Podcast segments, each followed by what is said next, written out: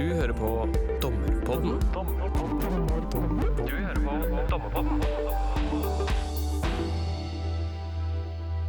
Vi jurister har jo ubeskjedent nok en tendens til å dele verden inn i jurister og ikke-jurister. Men eh, det er likevel ikke alltid det er nok med en juridikum for å forstå alle sidene av en, sivil tvist. Derfor trenger vi noen saker å tilføre retten fagkyndige vurderinger av et eller annet slag, og, og det vil Dommerpodens lyttere sikkert vite at kan skje på, på flere måter. Man kan ha forkyndighet i dommerpanelet, eller retten kan oppnevne en sakkyndig. Eh, men en eh, mulig måte å gjøre det på er også at partene selv fører sakkyndige vitner. Det vi kaller for partsoppnevnte sakkyndige. Eh, Så er det gitt en del regler i tvisteloven om rettsoppnevnte sakkyndige, men det er ikke gitt eh, så mange regler om partsoppnevnte sakkyndige. Og så er det sånn at de, det ligger vel kanskje i navnet, partsoppnevnte sakkyndige, de oppnevnes normalt i hvert fall bare av den ene siden. Og da hender det at eh, den andre siden ikke liker det de får fra den partsoppnevnte sakkyndige, enten fordi de er eh, uenige i konklusjonen, det vil vel kanskje ofte være tilfellet, men også at de, man kan sette spørsmålstegn ved uavhengigheten til den sakkyndige, eller eh, man kan mene at det er noen mangler, andre mangler ved det arbeidet. Og det eh, skaper av og til eh, litt eh, utfordringer, uenigheter, mistillit mellom partene. Og i forlengelse av det noen prosessuelle tvister eh, som innimellom eh, gjelder bevisfremleggelse. Um, og disse tvistene, altså begjæringer om tilgang til bevis eh, knyttet til partsoppnevnte sakkyndiges rolle, de kan gjelde tilgang til rapporter som oppdragsgiveren ikke vil legge frem, f.eks. fordi man får feil konklusjon i anførselstegn. Tidligere versjoner av rapporter, den sakkyndiges notater, eh, korrespondanse mellom part og sakkyndig, eh, eller knyttet til datagrunnlaget eller faktiske grunnlaget som eh, den sakkyndige har bygget på.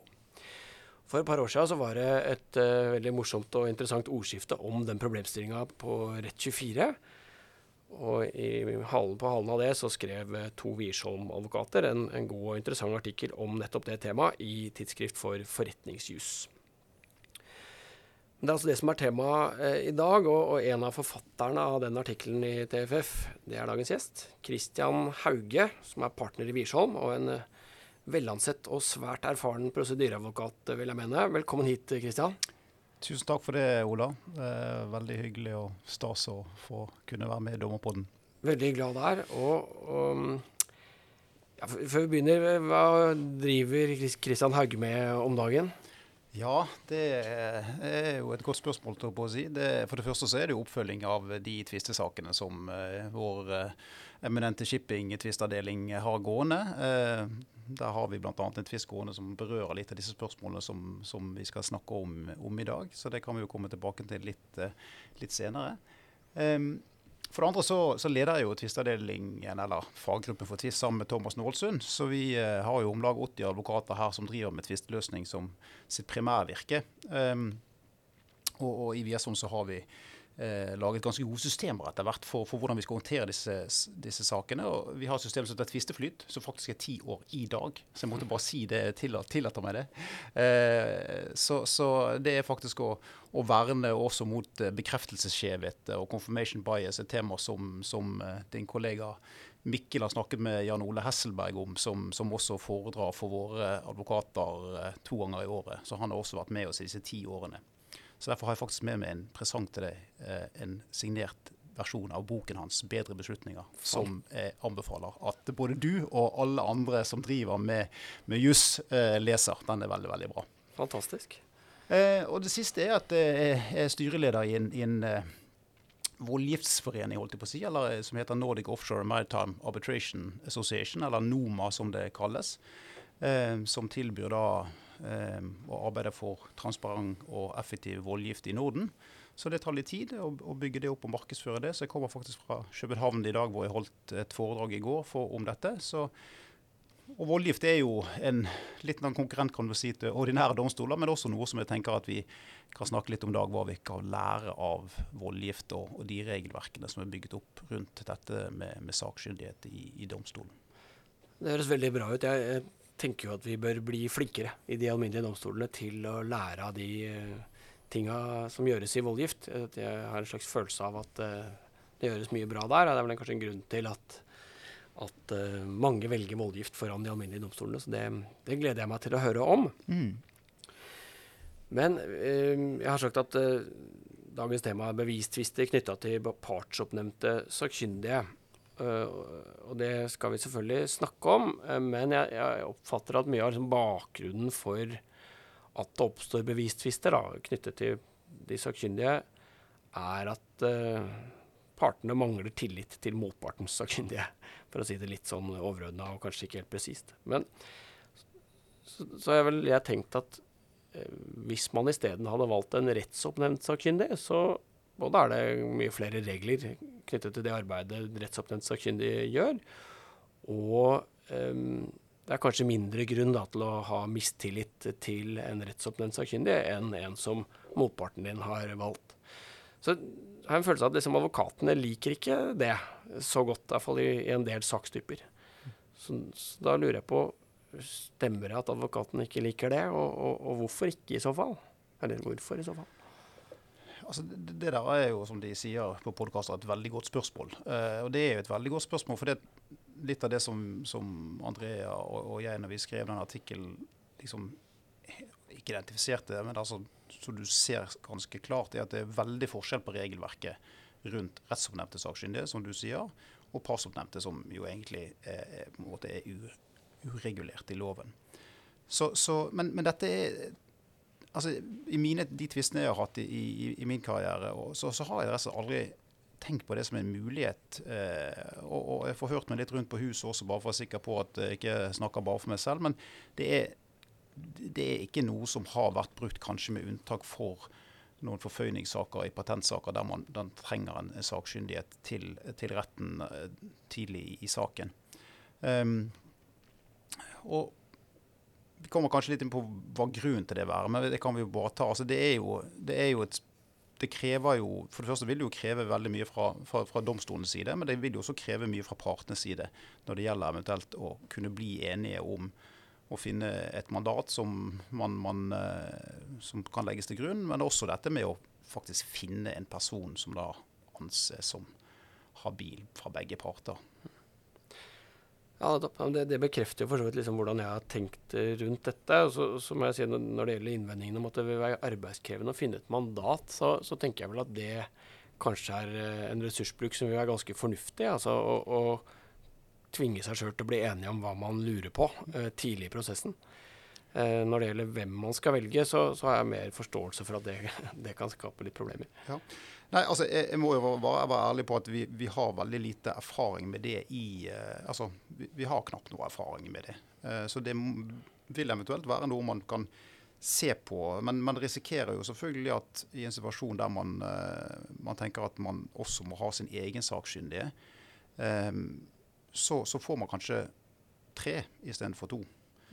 for det handler jo også noe om at i saksforberedelsen altså det Sakkyndige skal jo avgi en rapport og skal på en måte bidra til eh, eh, sakens opplysning sånn som den ene parten ser det. Men det er også en veldig eh, behov i, i de sakene som er teknisk kompliserte, at advokaten får bistand underveis til å forstå masse ting. altså jeg har flere saker som inneholder veldig mye krevende stoff som jeg trenger litt voksenopplæring er også før skal kunne forstå hva, hva problemstillingen i saken er. da.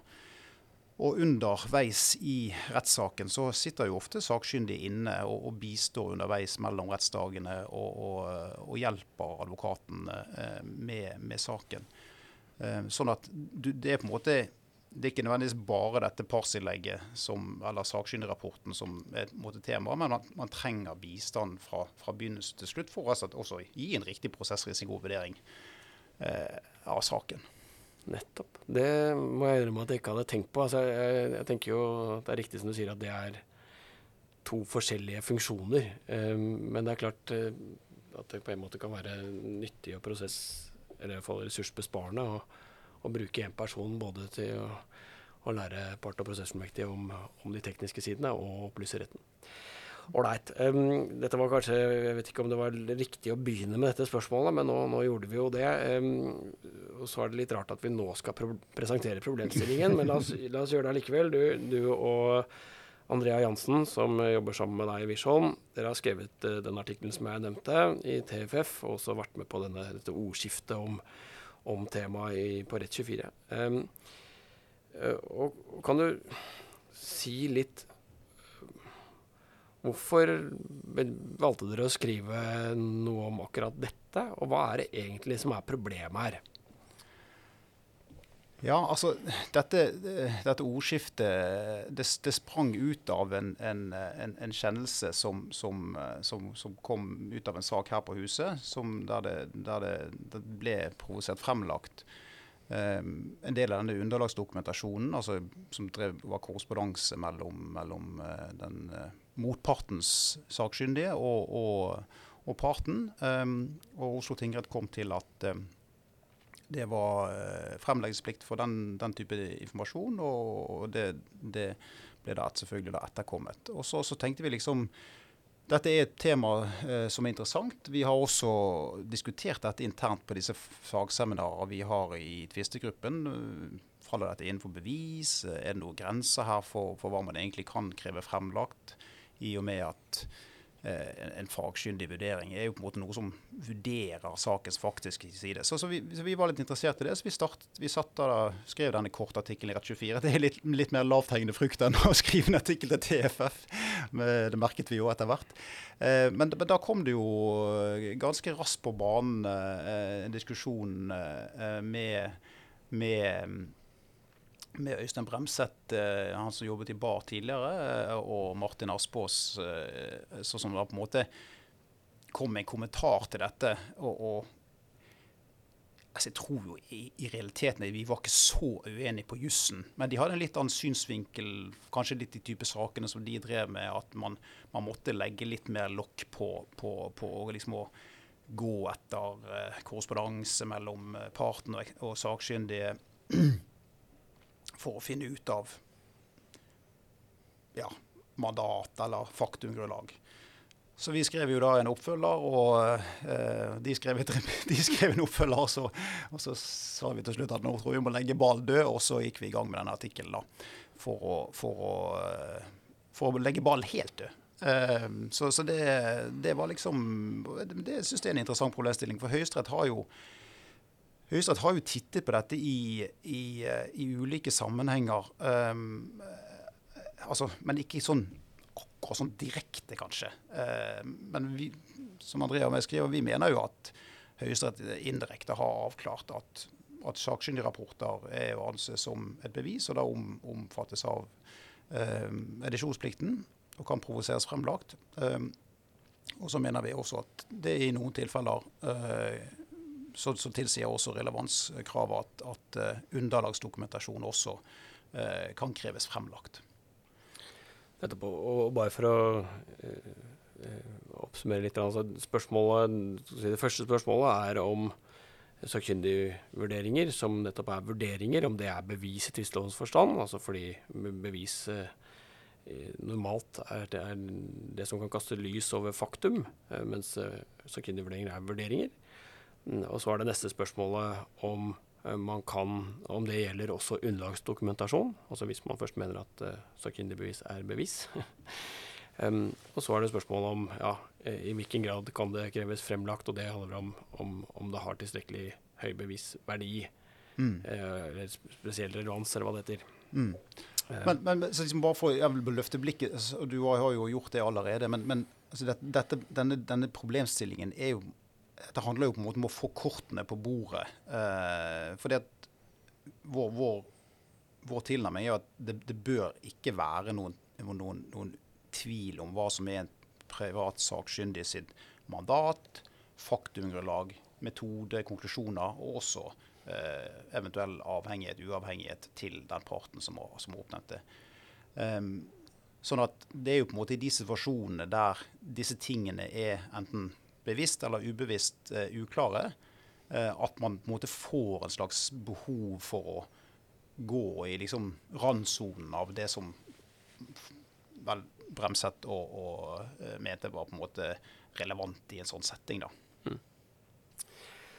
Er ålreit, men la oss, uh, vi skal snakke litt om hva vi i domstolene kan gjøre for å lage gode prosesser ja. uh, etter hvert. Men la oss bare ta litt av musen først, som gode jurister.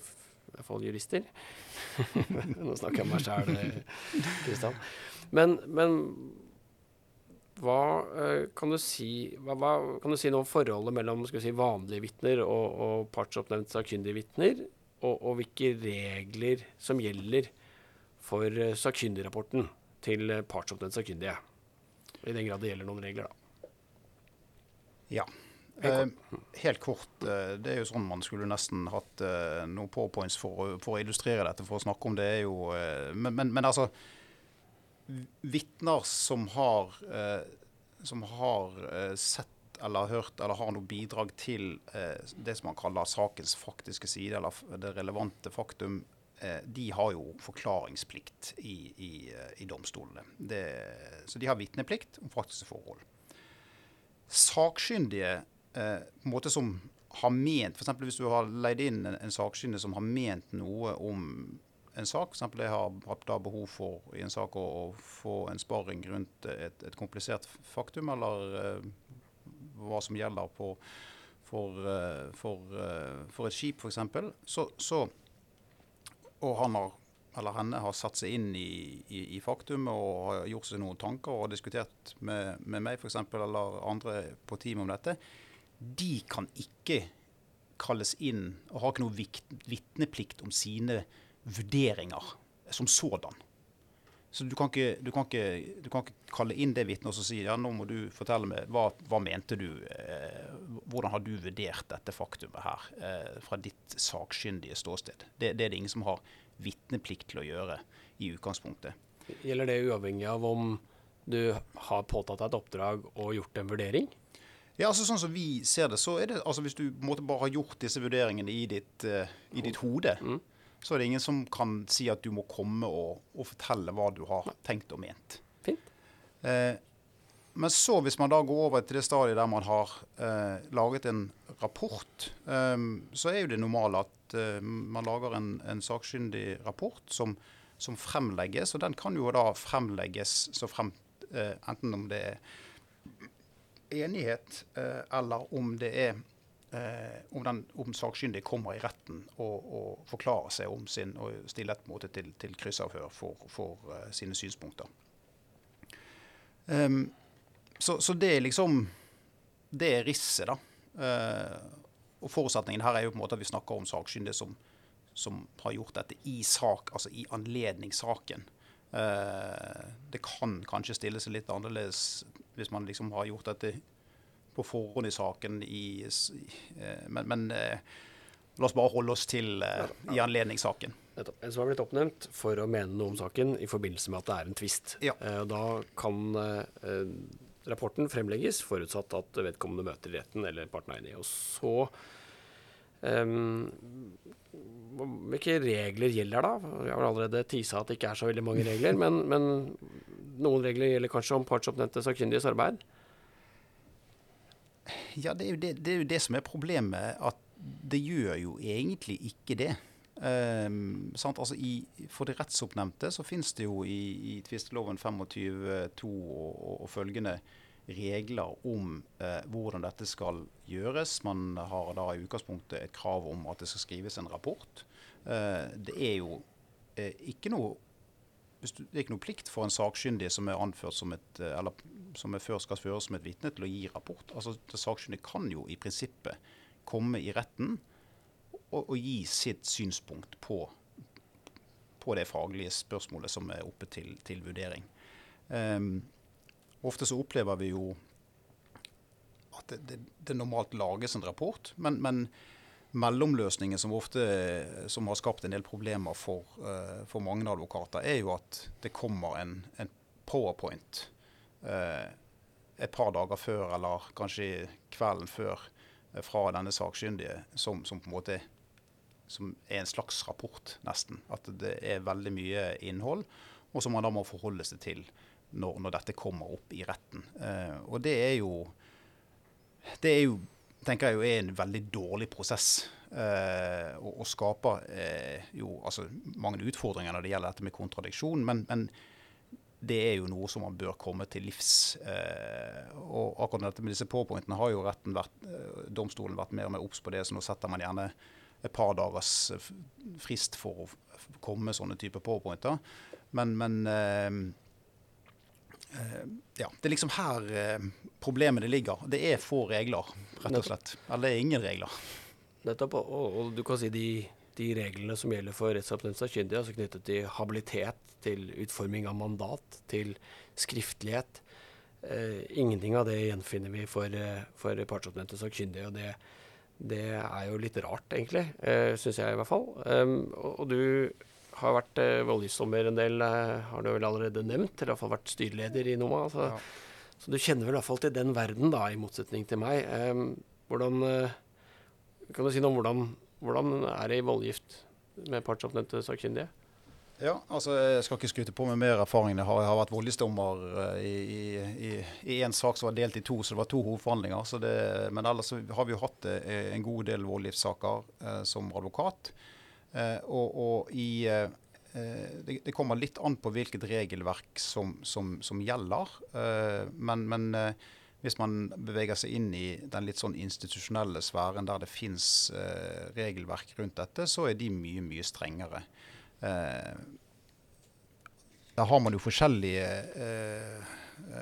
regelverk som, og retningslinjer som, som, som gjelder. Altså den den kanskje mest kjente for, for, for lytterne, det vil være the IBA Rules on the Taking of, of Evidence, som har uh, kommet i, i som nå foreligger i en andre versjon. Um, og, og, også disse NOMA-reglene har, altså har noe som heter NOMA Best Practice Guidelines når det gjelder uh, on the rules of taking of evidence. Og og Der stiller man opp litt i, litt de samme kravene som, som, man finner for rettsoppnevnte. Altså man, man, legger på en måte til grunn at det skal være en rapport. Det er på en måte, det er nesten det er baseline, eh, for å si det sånn. Eh, og Der er det krav om, om eh, beskrivelse av mandatet. Det er eh, krav om eh, en, en, en eh, statement om, om uavhengighet. både til partene og til, til advokatene. Eh, man skal oppgi faktumgrunnlaget, eh, selvfølgelig da konklusjonene og, og, hvordan man har eh, kommet til de. Um, så, så, så, der har man på en måte regulert det um, uh, mer nøye, litt i tråd med det som egentlig gjelder for rettsoppnevnte sakkyndige. Så, så, det er jo litt rart at det, det, er, så, det er, så, tomt på, på de partsoppnevnte. Det, vi får snakke litt om hvordan vi kan håndtere det, men la oss uh, bare ta eh, også litt om det rettslige knyttet mer sånn konkret. Altså du har eh, Dere drøfter uh, i denne artikkelen drøfter dere hvorvidt man etter tvisteloven kan tenkes å ha plikt til å fremlegge en sakkyndigrapport. Og da, da går jeg fra problemstillingen må være at man har fått en rapport som man ikke liker konklusjonen på, så vil man ikke legge den frem. Og så diskuterer dere om man har plikt til å fremlegge underlagsdokumentasjon.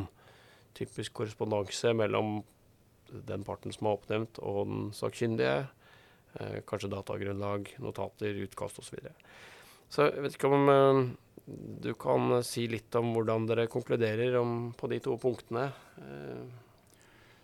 Jo, altså Konklusjonen er jo, er jo ganske eh, enkel og grei. Eh, det omfattes i utgangspunktet da av dette bevis Altså er å anse som et bevis. Eh, både den sakkyndigrapporten som man da eventuelt sitter på og ikke vil legge frem, eh, men også underlagsdokumentasjonen. Og så blir spørsmålet egentlig i den konkrete sak om det er relevant å, å å, å, kreve dette. Eh, og også forholdet til forholdsmessighet når det gjelder uh, f.eks. hvis man går inn i denne korrespondansedebatten da, uh, og, og, og, kreve en, en slik fremleggelse. Så, så det, det, er på en måte risset. Vi vi har jo drøftet dette ganske grundig for å, å, være sikker på at uh, det ikke er noen var noen vendinger der som tilsier at man, måte, noen kategorier av dette eh, faller utenfor. Men sånn som vi ser på det, og sånn som vi har konkludert, så, så, så er det ikke det. Men det kommer til dette med generell og spesiell relevans, eh, sånn som i den konkrete saken. Jeg tenker kanskje dette blir vanskeligst når det gjelder tilgang, altså eh, til underlagsdokumentene. Um, og, og, jeg er jo enig i at uh, relevans uh, det er vi på en måte vant til å vurdere og, og må gjøres konkret i den enkelte sak. Og, og proporsjonalitet det kommer liksom an på hvordan dette ser ut. Men man kan også tenke seg at spesifikasjon blir et tema. altså Hvis du sier at jeg vil ha all korrespondanse mellom parten og den sakkyndige, og det er 500 e-poster Eh, så er det ikke sikkert at det flyr helt til, til tvisteloven. Nei, det er enig. Altså Spesifikasjonskravet gjelder, gjelder selvfølgelig, så, så det, det, er enig med deg i. Um, så hvis, når, når, det gjelder proporsjonalitet, så, så merket jeg meg også at uh, så Én ting er jo hvor mye jobb er det å finne fram da, det, det den motparten ber om. Det er, det, er, den typiske proporsjonalitetsvurderingen. Um, som det kanskje er vanskelig å si veldig mye om sånn, i denne sånn, litt sånn abstraherte eller generelle samtalen vi har. Men, men der, på Rett24 så var det også snakk om no, no, noe vet ikke om det var dere, var kanskje disse baradvokatene som snakket om snøballeffekten. Jeg vet ikke hva du vil si, hva, hva, hva, betyr det? Er det noe vi må tenke på? Det var heldigvis uh, Bar som, som, snakket om snøballeffekten. Uh. Nå henger du for den. Uh, men, men altså de, de, det de vel Nå tar det litt på, på hælen. Jeg si, jeg husker ikke akkurat hvordan de, de, de framet uh, snøballeffekten der, men man er redd for at man, hvis man åpner på en måte opp for dette, så, så kan man liksom så kan alle liksom bare løpe etter dette i hver sak, og man kan blåse dette opp. Uh, det var vel i, den retningen man og, og, og, den tankegangen er jo ikke uenig i det. Uh, at, at man, man, man, bør liksom ikke kanskje åpne disse dørene for vide. men men man må jo tilbake til utgangspunktet, tenker jeg. For det, hva, hvorfor holder vi på med dette? Det er jo fordi at man har da ikke klarlagt godt nok de tingene som motparten trenger for å forberede sitt, sitt forsvar. For vi som advokat, vi sitter jo da og, og, og skal eh, Vi må jo forberede oss. Vi må på en måte finne, vurdere skal vi føre et hvis motparten fører en sakkyndig, så du tenke du, ok, skal vi ha sakkyndighet vi også, eller skal vi droppe det? Det er liksom første waypoint uh, å passere. Og så ender man jo ofte opp med at det er nødvendig at vi også har sakkyndige som kan både som kan kontre dette som vi mener da er uriktig, eh, og som bistå oss i den prosessen til å, til å faktisk eh, finne frem til hva som er svakhetene i motpartens eh, eh premisser, f.eks. Det er ofte der det ligger. Um, og for å gjøre den jobben ordentlig og, og effektivt også, så, så, så, må vi på en måte vite hva er det de har konkret sett på. Hvilket sett av faktum er det de har vurdert. Eh, der kan jo komme inn sant? Eh, eh Vi snakket bare litt om det rett før vi gikk på dette her med forholdet til forretningshemmeligheter. Hvis man får, de har fått tilgang til mer informasjon enn det som er fremlagt i saken, så er jo det en utfordring som må håndteres eh, på, et, eller annet vis. Og selvfølgelig også da metoder, konklusjoner. Årsakskrav er jo, kan, kan, man jo ha liksom ulike oppfatninger om. Er, mener man at det er årsakssammenhenger? Ja, det er mange ting. Og, disse tingene bør opp i dagen tidlig. Det bør ikke være noe tvil rundt dette. Uh, og, og, og, hvis disse tingene på en måte kommer sånn som de bør komme, så, så, så, så er vi dette i utgangspunktet ikke et stort problem. Så liksom, jeg tror det er der nøkkelen ligger. at vi liksom, Hvis vi skal se videre til hvordan man skal uh, forsøke å, å, få dette enda mer strukturert i domstolene, så er det på en måte det er den debatten vi må ta eh, liksom, in the public. Eh, og, og, lage en slags kultur for at eh, dette tas opp eh, i første sving. Ja, og det, det, skal vi straks gjøre. Jeg er enig i det. Og jeg tenker at når det gjelder eh, åpenhet rundt hvilket mandat vedkommende har, hva slags avhengigheter vedkommende har til parter og prosessfullmektiger. Eh, metode, konklusjon, faktagrunnlag. Alt det der eh, er for meg ganske intuitivt at bør frem. om ikke annet fordi eh, altså den parten som har oppnevnt den sakkyndige, burde ønske å gi det til retten, sånn at eh, retten kan ha tillit til eh, de konklusjonene som den sakkyndige trekker. Så alt det skjønner jeg. Det som kanskje det gjør det som jeg er mer skeptisk til, er eh, provokasjoner knyttet til eh, arbeidsnotater, tidligere versjoner av en rapport eller korrespondanse med den sakkyndige, som jeg tenker at ligner, eller begynner å ligne på da, sånn bevis om troverdigheter. altså nærmest. Mm. Det er en slags mistenkeliggjøring av vedkommende uh, som kan ha gode grunner for seg, men som jeg tenker også bare kan være et symptom på liksom sykelig lite tillit. da. Mm. Mm.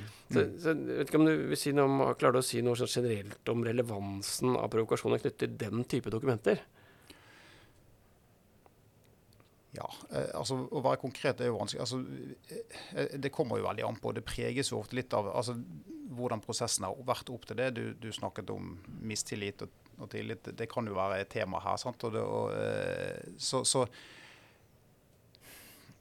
dette med tid, la, oss, la, oss, kanskje kategorisere det. da. Altså Tidligere versjoner eh, kan jo kanskje kan, kan, kan være relevant. Eh, hvis man får en eller annen slags mistanke om at man har endret konklusjonen eh, på et eller annet tidspunkt. Hvorfor har den sakkyndige gjort det? Det kan jo selvfølgelig være massevis av gode grunner for det. Så, så liksom å løpe for mye etter sånne skift i prosessen, det, det kan jo være liksom ikke tilføre retten eh, noe som helst av verdi. Men hvis man, hvis man eh, da får en slags mistanke. Det vil jo kanskje være behov for en eller annen form for mistanke, jeg vet ikke. Eh, så, så, eh, så kan man si OK, vi ser her at det er tre versjoner av denne rapporten. Mm, kan vi, kan vi få se på det hvorfor, og se om det er noe forskjell? Ofte vil det ofte bare være språklige ting. Det, sånn, sånn, sånn, sånn, skjer jo mellom eh, de ulike utkastene. Det er jo helt naturlig. Så det er jo liksom ingen grunn til å bruke mye tid på det i, i retten, og, og at man skal forsvare seg mot uh, endringer og sånn, den type ting. Så, så, så, man bør jo ha en viss forsiktighet rundt dette. Uh, men det er litt sånn også opp til domstolen. Hvor skal denne listen ligge, da? Altså, hva, hva føler du selv behov for for å kunne vurdere vekten? For du, du vil jo ofte få sant? Altså, Partene er uenige. De får, har jo ofte to partssakkyndige som, som har ofte diametralt motsatt syn. Og så skal du sitte i midten som, som lekdommere, kanskje uten fagdommere, og, og vurdere da vekten av, av, dette. Det er en veldig vanskelig oppgave. Uh, så dette handler jo også igjen med å gi så mye som mulig til, til domstolene for at, at, du er i stand til å gjøre den vurderingen. Mm. Jeg, jeg, vi skal ikke tvære forbi med akkurat dette, men, men jeg Nei. Eh, altså, jeg oppfatter at den, den type bevisprovokasjoner da, eh, egentlig handler om å avdekke hvorvidt sakkyndigerklæringen er et bestillingsverk eller ikke. Eh, og så er det jo som du sier, at i de aller fleste, eller kanskje alle saker, så er det jo sånn at de partsoppnevnte sakkyndige støtter partens sak. sånn at det, jeg er litt usikker på hvor mye mer du får ut av det. Eh, ja. um, altså nå prøver ikke å si at alle sakkyndige som er partsoppnevnte, er kjøpt og betalt. altså det, det, er virkelig ikke det jeg prøver å si. men men erfaringen er jo at, at det er veldig sjelden du får en mm. partsoppnevnt sakkyndig til å skyte ned sin egen oppdragsgiver sin sak. Ja. Og, du, og du, får jo, altså Hvis disse tingene er klarlagt tidlig på en, på en god og adekvat måte når det gjelder mandat og fakt, sånn disse tingene vi har snakket om, så har, du, så har jo man sin tid i retten til å bore på disse tingene som da kan påvirke vekten. Så, så jeg, jeg, følger det jo eh, på det Jeg skjønner, jeg skjønner hvor du vil hen og, og, jeg kan følge på det. Så, så, så, jeg tror det er ikke mer å si enn at det må være en konkret vurdering om det er viktig. Altså Hvis motparten da ikke har noe skjul, så er det bare å sende det utenrettslig. Her har disse her. Hvis du mener at vi har gjort eh, det har skjedd noe her som ikke tåler dagens lys, så får du legge det frem og, og og si noe om det. Eh, jeg har vært i liksom, mottakerposisjonen på den type ting og eh, sendt da tidligere versjoner utenrettslig. Det var jo endringer selvfølgelig når det gjelder språklige ting, men det, altså, det hadde ikke vi noe problem med. Så, så, skjedde det ikke noe mer etter det. For da fikk han avklart den eventuelle mistilliten som, som, som han satt med. Så, så, det er jo, måte, er jo, også en løsning eh, hvis, man har, eh, hvis, man ikke har noe å skjule, da, eh, å gjøre det på den måten. Det har jeg sans for. Ålreit. Eh, men, men eh, la oss eh, nå snakke litt om hvordan vi kan altså vi dommerne, da, og for så vidt advokaten også, kan håndtere dette med partsoppnevnte sakkyndige og eventuelle bevistvister knyttet til det på en god måte. Altså, hva, hva slags råd har du til oss når en eller begge eller alle partene kommer trekkende med at her vil vi ha vår egen sakkyndige? Ja, det, det, det syns jeg et, et, veldig spennende tema. Og, og, og, og uh, håper at uh, kanskje denne poden kan uh, være en, et startskudd på en litt, debatt rundt det. og, mange begynner jo ofte med å si at vi, vi, når noe mangler, så trenger vi, trenger vi mer eh, regler og retningslinjer. Uh, liksom bare si innledningsvis at vi har jo når vi, når vi skrev denne artikkelen, Andrea og meg, så, så, kom vi jo på en måte over disse retningslinjene som var laget i, i 2014. som jeg, jeg var jo, og når jeg fant det, så må jeg bare si at jeg, jeg ble jo For det første ble jeg jo veldig glad når jeg fant de, eh, og så ble jeg overrasket over at jeg aldri hadde hørt om de før. For, for, for eh, da var det altså et arbeid fra 2014 um, ehm, som, uh, som da uh, retningslinjer for sakkyndigarbeid i domstolen som både gjelder sivile og straffesaker.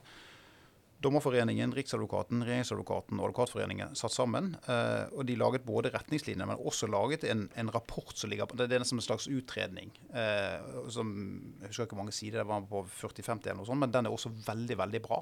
Eh, trekker trekker linjer til hvordan dette er i andre eh, rettsstater, og, og, hvordan man kan eventuelt lære av det.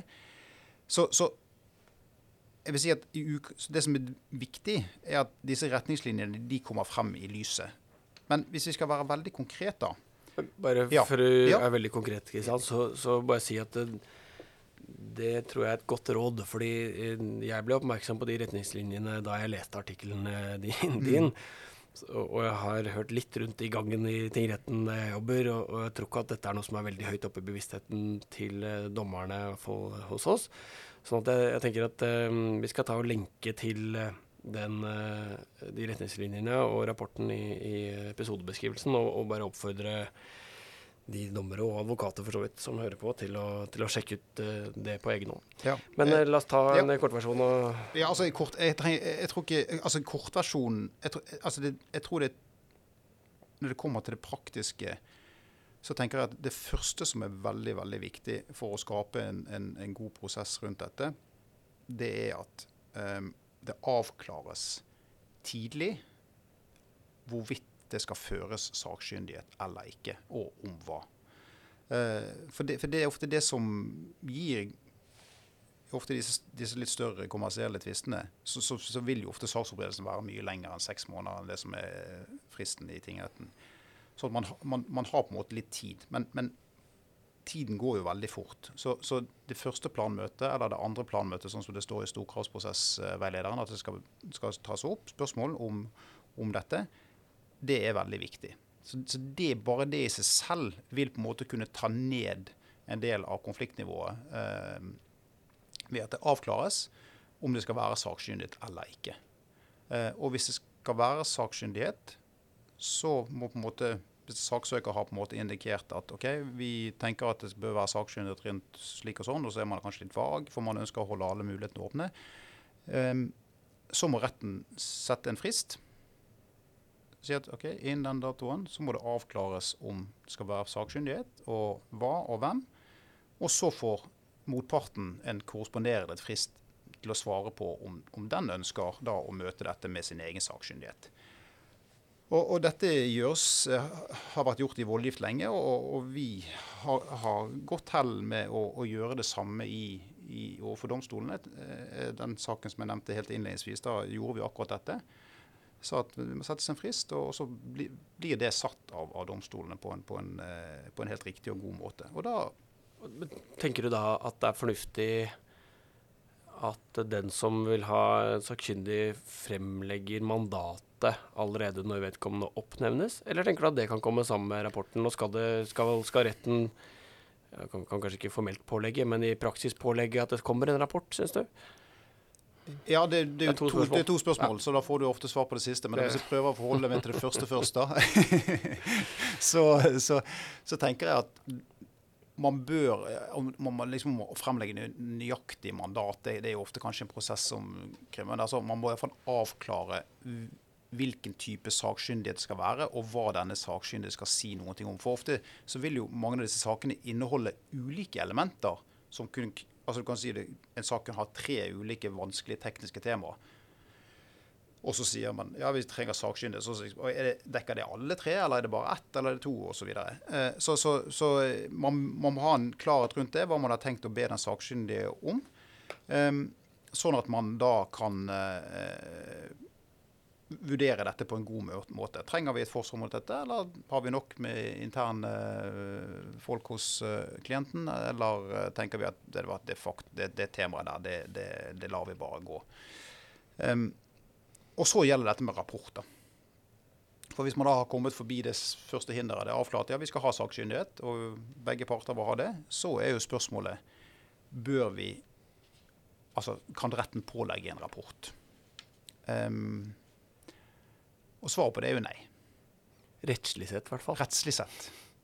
Men der tenker jeg igjen at uh, her gjelder det litt for dommerne å legge seg litt over bordet og si at Mener du det ikke skal være en rapport om dette?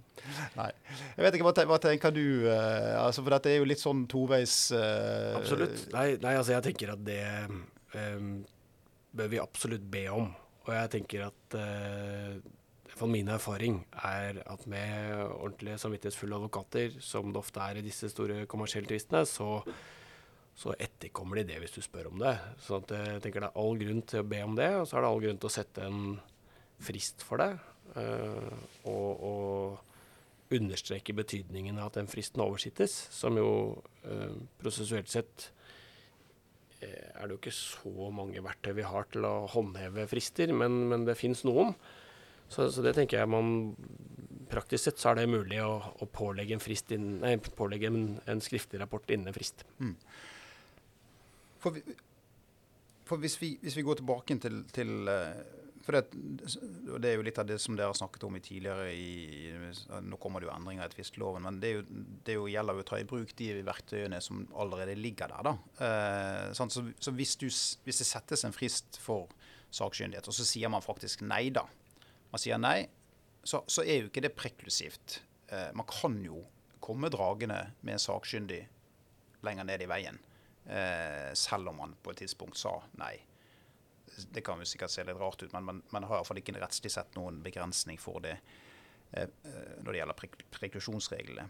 Men, men da er jo spørsmålet kan man komme inn i en situasjon hvor eh, retten da mener at hvis det kommer for tett på hovedforhandlingen, at man kan, eh, man kan på en måte ja, heter det avvisning eller preklusjon, eh, eller eh, etter 16-6 tredje ledd, da. Det blir vel å avskjære, avskjære beviset, Ja, kanskje, avskjære. fordi det kommer for sent. Men det, Ja. da er det jo en forutsetning at eh, det får en utsettelse av hovedforhandling, da. Og det, Ja, og det, men det vil jo ofte partene kanskje ikke. da? Så, så, så, så, så igjen, så, så altså tankegangen er jo at altså, hvis dette temaet har vært oppe, og du som dommer har da sagt ok, du har satt en frist, og så har du sagt nei, og så kommer du liksom to uker før med en gigarapport. Sant? Du sa nei, men nå kommer denne. Eh, da har man kanskje litt mer i verktøys... Litt mer pondus bak en, en, en sånn eh, en sånn avvis, eh, avskjæring, da. det, det er jeg helt enig i. Altså, jeg tenker man kommer veldig langt med å snakke om det og lage en omforent plan for prosessen. Og at det, i de aller til, fleste tilfeller så vil advokatene forholde seg lojalt til det. Ja. Eller iallfall forholde seg til det. og hvis det da mot formodning skulle være sånn at noen er innmari smarte og sier at nei, vi skal ikke ha sakkyndige og komme med det tre uker før hovedforhandling, så tror jeg vel um, ikke vært veldig bekymret for å avskjære det i en stor tvist hvor det, den sakkyndigvurderingen var gjaldt noe sentralt. Mm. Så det, det tenker jeg det, det går an. Eh, vi har ikke noe sånn veldig tradisjon for det, kanskje, det med preklusjon. Men, eh, men jeg tenker det går an. ja. Nei, altså, jeg, jeg, er veldig enig i det du sier. og jeg, jeg synes at det er, og det synes jeg allerede har vært blitt veldig mye bedre, dette med dialogen. Å snakke sammen med, med domstolen. Sette seg ned med, i planmøtet og legge opp til flere. Eh, det har en vanvittig god, eh, en god effekt å snakke om det, som du sier. Så, altså et, et, av rådene er da at man tidlig snakker om dette, uh, avklarer, legger et løp for prosessen. og Det er jeg helt enig i. Um, men et spørsmål som dere er innom i den artikkelen, er hvor intensive skal domstolen være når de vurderer behovet for sakkyndig bevis? Altså du kommer til meg og sier sånn her må vi være en sakkyndig, så tenker jeg ja, må vi egentlig det? Mm. Uh, hva tenker du om uh, min eller vår rolle eller prøvingsintensitet når det gjelder det? Ja, det, det, det, er et godt spørsmål. og, og jeg, Andrea og jeg har diskutert det både i forbindelse med artikkelen og litt etterpå også. Og, og vi har jo ikke noe kultur, sånn som jeg har opplevd, for, for, for å ha noe liksom, prøvingsintensitet på dette i det hele tatt. Altså, men vi, vi, vi, noe, vi, har lagt det inn i den artikkelen, og, og, det står jo der for, for, for en man kanskje bør vurdere Eh, og tenke litt i de baner. Og, og, og, i en sånn diskusjon og en dialog som, som, uh, som, vi er enige om er en god idé, så kan du på en måte spørre liksom Hva skal vi, hva skal vi med dette? Eh, hva, hva, kan, du med, kan, du gi en beskrivelse av i alle fall hvorfor dette er viktig? Og hvis man liksom ikke klarer å hoste opp et eneste, eneste godt argument eh, der, så kan man tenke seg at liksom, skal vi legge dette på toppen av, av alt det andre vi har. Men, men ehm, ja, her er jeg litt, sånn, eh, er litt på tynn is når det gjelder eh, hvor vi egentlig bør gå. Altså I andre rettssystemer så er, det, er det høyere grad av prøving av rett og slett bare slippe inn dette i, i uh, domstolen i det hele tatt. Altså man må, man må altså be om en slags tillatelse. Og, og, og denne, i denne rapporten um, Eh, og, og retningslinjene som også ble eh, laget av, eh, av, dette utvalget som vi snakket om i sted, så, så har jo de et eget forslag om dette. Uh, og Det er jo interessant, syns jeg. Altså de, de, de, de, henviste vel bl.a. til amerikansk rett. Jeg tror også uh, engelske regler uh, inneholder litt av det samme, uten at jeg har studert de voldsomt i, i detalj. Men, men, retningslinje nummer to der er at altså de sier ved rettens vurdering av om ett eller flere sakkyndige vitner skal tillates ført, burde legges vekt på følgende. Ja, om det faktiske temaet eh, krever kunnskap utover allmennkunnskap. Og det, det, er jo der det starter. sant? Altså Trenger vi noe mer enn en, enn en, enn en jurist for å løse dette? Vanskelig å se for seg, egentlig. ja, egentlig. Nei da. Uh, så, så, så denne, den debatten tenker jeg jo kan også være noe å, å starte. da. Uh, hva, hvor vil vi gå i der vi, der vi er nå fremover om det. Um, det for, for virkeligheten nå er vel at, at, hvis du vil ha en privat antatt sakkyndig, vel, så får du det. Ja. Eh, og så kan man spørre om det er eh, god prosessøkonomi i alle saker. Ja, altså Det har jo en side til de siste debattene som har vært om økningen i, i sakskostnads... Eller de har jo ja. økt voldsomt. Uh, det, så det har jo på en måte en, en, side kanskje til det også, at man faktisk her må bør se på det som en, som en mulighet. Men, men jeg, tror jeg, jeg, tror det er en litt større debatt enn en, en, en hvorvidt man skal sette tidsfrist for uh, å vurdere sakkyndighet, rett og slett. Definitivt. Ja. Og, og, for å ta oss litt tilbake til det vi egentlig snakker om, så, så uh, skriver dere vel også noe om at uh, domstolen En ting er at vi skal avklare, eller bør avklare tidlig, når eller om og når eh, det kommer eh, en partsoppnevnt sakkyndig rapport, eh, men at vi også går an å snakke om prosessen for øvrig, altså det dere kaller transparenskrav. Um, så jeg vet ikke om du vil si noen ord om hva slags type temaer man kan komme innom i en sånn samtale? Nei, altså det blir Innom det, for så vidt. ja, vi, vi, har vært litt innom det, men, men uh, gode ting kan vel kanskje aldri sies for ofte. Men, men der, der, tenker jeg også at det det, det vil være et bra sted for, for, for, uh, for dommeren og administrator å begynne å faktisk bruke de uh, retningslinjene som, som, som, ligger der, uh, når det gjelder hva som skal, bør være med i, i, i, i en rapport.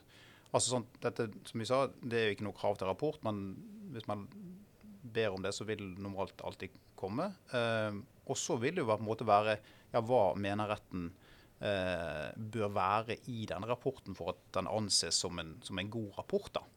Eh, og, og, og, jeg vet ikke om jeg nevnte det, men vi har fått skrevet om det. Og, det er jo at disse retningslinjene fra 2014 de er jo i tråd med det som man så fint kaller beste praksis i internasjonal voldgift. Eh, jeg nevnte disse IBA-reglene og, og NOMA-reglene. Eh, og, og, de tar opp i seg veldig mye av dette eh, når det gjelder sakkyndige vitner. Så, så, så jeg, jeg, tenker at det er veldig, et fint startpunkt å rett og slett bare eh, si at OK, vi, vi, vil ha mandatet skal være der, det skal være klart om faktumgrunnlag.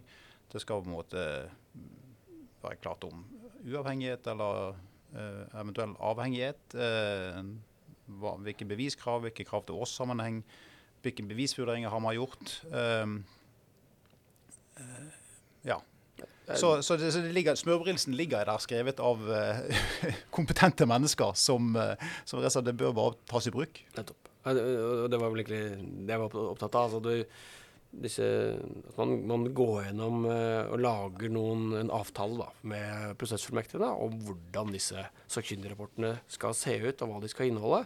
Og at det kanskje både kan øke tilliten mellom partene, men også kan gjøre det lettere å bruke de sakkyndigrapportene for retten, som da ofte får to forskjellige konklusjoner. At man da har noe eh, sammenlignbart å jobbe med. Ja, og, det er jo, jeg synes jo det, det, Man taper kanskje det fort av, av, av syne for kanskje fra advokatens side, men, men det er jo tilbake inn til liksom et grunnleggende utgangspunkt at man, man, man, skal jo tilføre da en Plutselig blir dommeren en lekmann eh, på et fagfelt, og så skal han eller henne tilføres kompetanse, og så må man faktisk, til, til tross for sin inkompetanse, for å kalle det det, så må man jo faktisk treffe et valg. Det er jo det er ganske krevende, vil jeg tro, å sitte der og, og hvis vi sitter i en sånn det, det, det, det er tvilsomt hva som er riktig. Man må i hvert fall ha, ha, tro på sin egen vurderingsevne om, om, ting man ikke kan om. Ja.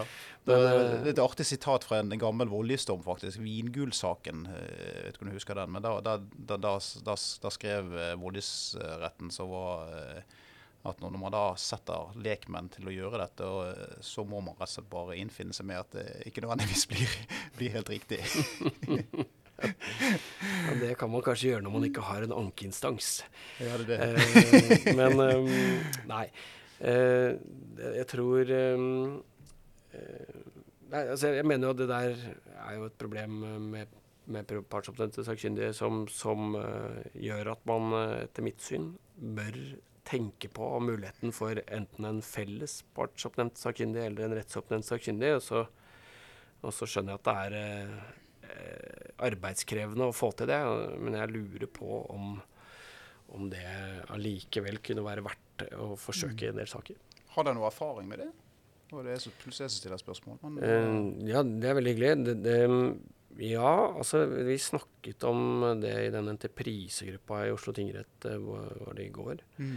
Um, hvor det det er en tradisjon for å ha partsoppnevnte sakkyndige i, den type saker, og, og, hvor eh, en del av dommerne hadde uh, tatt opp uh, og møtt en del motstand hos uh, prosessfullmektigene. Og så var det vel noen som hadde oppnevnt rettsoppnevnt sakkyndig på eget initiativ. Mm. Og noen ganger endte opp med tre sakkyndige, altså en rettsoppnevnt og to partsoppnevnte. Og, og andre ganger hadde partene for så vidt akseptert det. men men i hvert fall en dommer som, som mente at, at, det kunne eh, Eller at, at, det kunne bidra til, til, til, forlik på et tidligere tidspunkt. Mm. Uavhengig av om parten også har egne eh, partsoppnevnte sakkyndige. Så